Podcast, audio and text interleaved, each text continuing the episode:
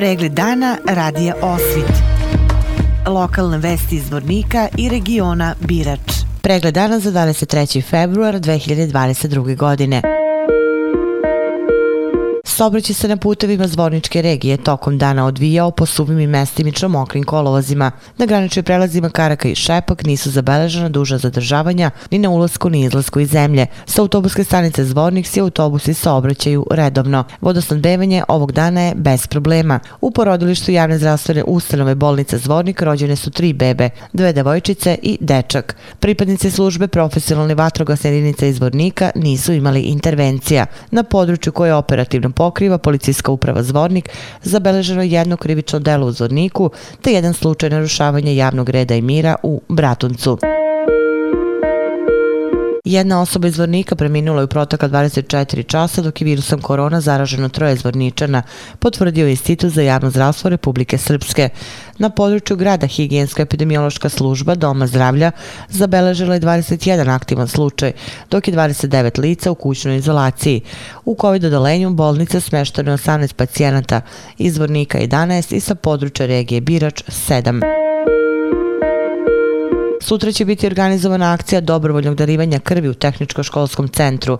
Sve detalje ćete saznati u izjavi od Dane Mićić, sekretara gradske organizacije Crvenog krsta Zvornik. Gradska organizacija Crvenog krsta Zvorni zajedno sa tehničkim školskim centrom i transfuziološkom službom organizuje sutra akciju dobrovoljno davalaštva u kojoj učestvuju uglavnom maturanti i profesori i ostali zaposleni u tehničkom školskom centru. Prijavilo se e, do sad njih 60, to nam je veoma drago da, da se tako djeca odazivaju i da svake godine se povećava broj. Prezadili su znači odzivom, a nadamo se da će njih većina i moći da daju krv. Uglavnom su koji su napravili 18 godina. Davanje krvi znamo da je to human čin, a time i djeca istovremeno oni provjeravaju svoje zdravlje i znaju koja su krvna grupa. E, dobrovoljno davalaštvo je veoma značajno i uvijek je neophodno da postoji znači rezerve krvi i svih krvnih grupa jer znamo da krv znači život. Polovinom marta uz 10.11. smo isto dogovorili sa srednjoškolskim centar Petar Kočić da isto ovaj održimo drugu akciju. Time propagiramo i značaj dobrovoljnog davalaštva krvi, jer zaista ljudima je u svakom momentu potrebna krv. Večeras počinje manifestacija Dani Marka Markovića u organizaciji Narodne biblioteke i udruženja građana Kriva Drina. Marko Marković je najznačajniji književni kulturni radnik koji je rođen u Zvorniku, a karijeru je izgradio u Sarajevu. Bio je prozni pisac i publicista, direktor izdavačkog preduzeća Svetlost u Sarajevu, a zatim i direktor drame Narodnog pozorišta. Objavio je dve zbirke priča od Sumraka do Zore i Kriva Drina po kojoj je najpoznatiji. Manifestacija posvećena Marku Markoviću će trajati tri dana. Čast da otvori manifestaciju pripale našem sugrađaninu Stanislavu Tomiću, koji će predstaviti svoju četvrtu knjigu aforizama pod nazivom Umnjaci izrastaju kasnije. Knjigu je izdala Narodna biblioteka Zvornik, a promocija je zakazana za 18 časova. Drugog dana manifestacije u četvrtak 24. februara svoju knjigu Život na crticu predstavit će beogradski novinar i radiovoditelj Dejan Grujić. Posljednjeg dana u petak biće održano predavanje Momčila Golijana pod nazivom Književno delo Marka Markovića. Za sutra je zakazana deseta redovna sednica Skupštine grada Zvornika. Odbornici će raspravljati o 15 tačaka dnevnog reda. Između ostalog razmatraće se predlog odluke o komunalnim taksama, odluke o utvrđivanju kriterijuma kategorizacije sportova, sportskih grana, uslova za finansiranje sporta i raspodeli sredstava sportskim organizacijama grada Zvornika za ovu godinu.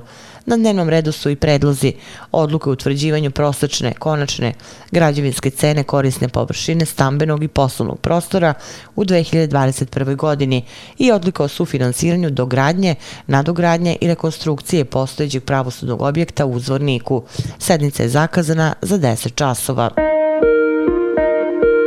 Pripadnici jedinice granične policije Zvornik juče su u Bjelovcu na području opštine Bratunac sprečili krimičarenje migranata uz pomoć posebnog tima za sprečavanje nezakonitih migracija. Kako je navedeno u saopštenju nakon što su pripadnici jedinice granične policije Zvornik zaustavili čamac koji je plovio rekom Drinom od Srbije prema teritoriji Bosne i Hercegovine u kojem se nalazilo 15 osoba afroazijskog porekla i to šest muških i četiri ženske odrasle osobe te petoro dece. Prilikom pokušaja zaustavljanja vozila povređen je pripadnik granične policije jer se vozač oglušio naredbu policijskih službenika, nije se zaustavio nego nastavio vožnju i tom prilikom udario policijskog službenika, nanevši mu telesne povrede.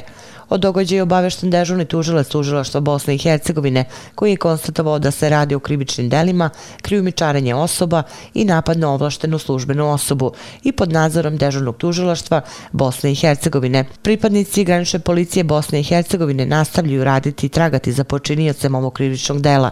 Povređeni policijski službenik je pregledan u zdravstvenoj ustanovi i upućen dalje lečenje. Krijumičareni migranti su predati pripadnicima službe za poslove sa strancima Bosne i Hercegovine na dalje postupanje. Životi iza polja smrti. Zajednički projekat je Birna, Bosne i Hercegovine i Memorialnog centra u Srebrenici, kojim su povezana pojedinačna svedočanstva s predmetima u kolekciji muzejske zbirke Memorialnog centra koji su do sada donirali i preživeli. Balkanska istraživačka mreža Bosne i Hercegovine i Memorialni centar Srebrenica otvorili su spomen sobu Životi iza polja smrti izložbu koja predstavlja stotinu ličnih priča, Birn koje su snimane na tri lokacije, Srebrenici, Tuzli i Sarajevu. Projekat je podržala vlada Kraljevine Nizozemske, artefakte, odnosno predmeta žrtava. Porodice su dale memorialnom centru na trajno čuvanje. Osim u spomen sobi u Potočarima, video svedočenja mogu se pogledati na posebnoj internet platformi životi iza polja smrti.detektor.ba.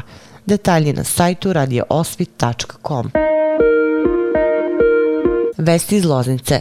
Za sad je život Budi heroj. Naziv je humanitarne akcije koja se održava u sklopu Međunarodnog dana dece obolele od raka, u kojoj učestvuju Lozničke osnovne škole Vuk Karadžić i Anta Bogićević. Na poziv Nacionalnog udruženja roditelja dece obolele od raka. Prema rečima Anete Rakić, direktorke osnovne škole Vuk Karadžić, akcija je podrazumevala prodaju olovke, koja osim što može da se koristi za pisanje, u sebi sadrži semen nane, bosiljka i lavande, koje se nakon što se olovka istroši, može zasaditi. Detalji na sajtu Lozničke novosti.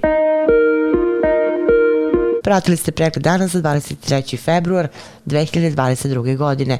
Hvala vam za pažnju pregled dana radija Osvit. Lokalne vesti iz Vornika i regiona Birač.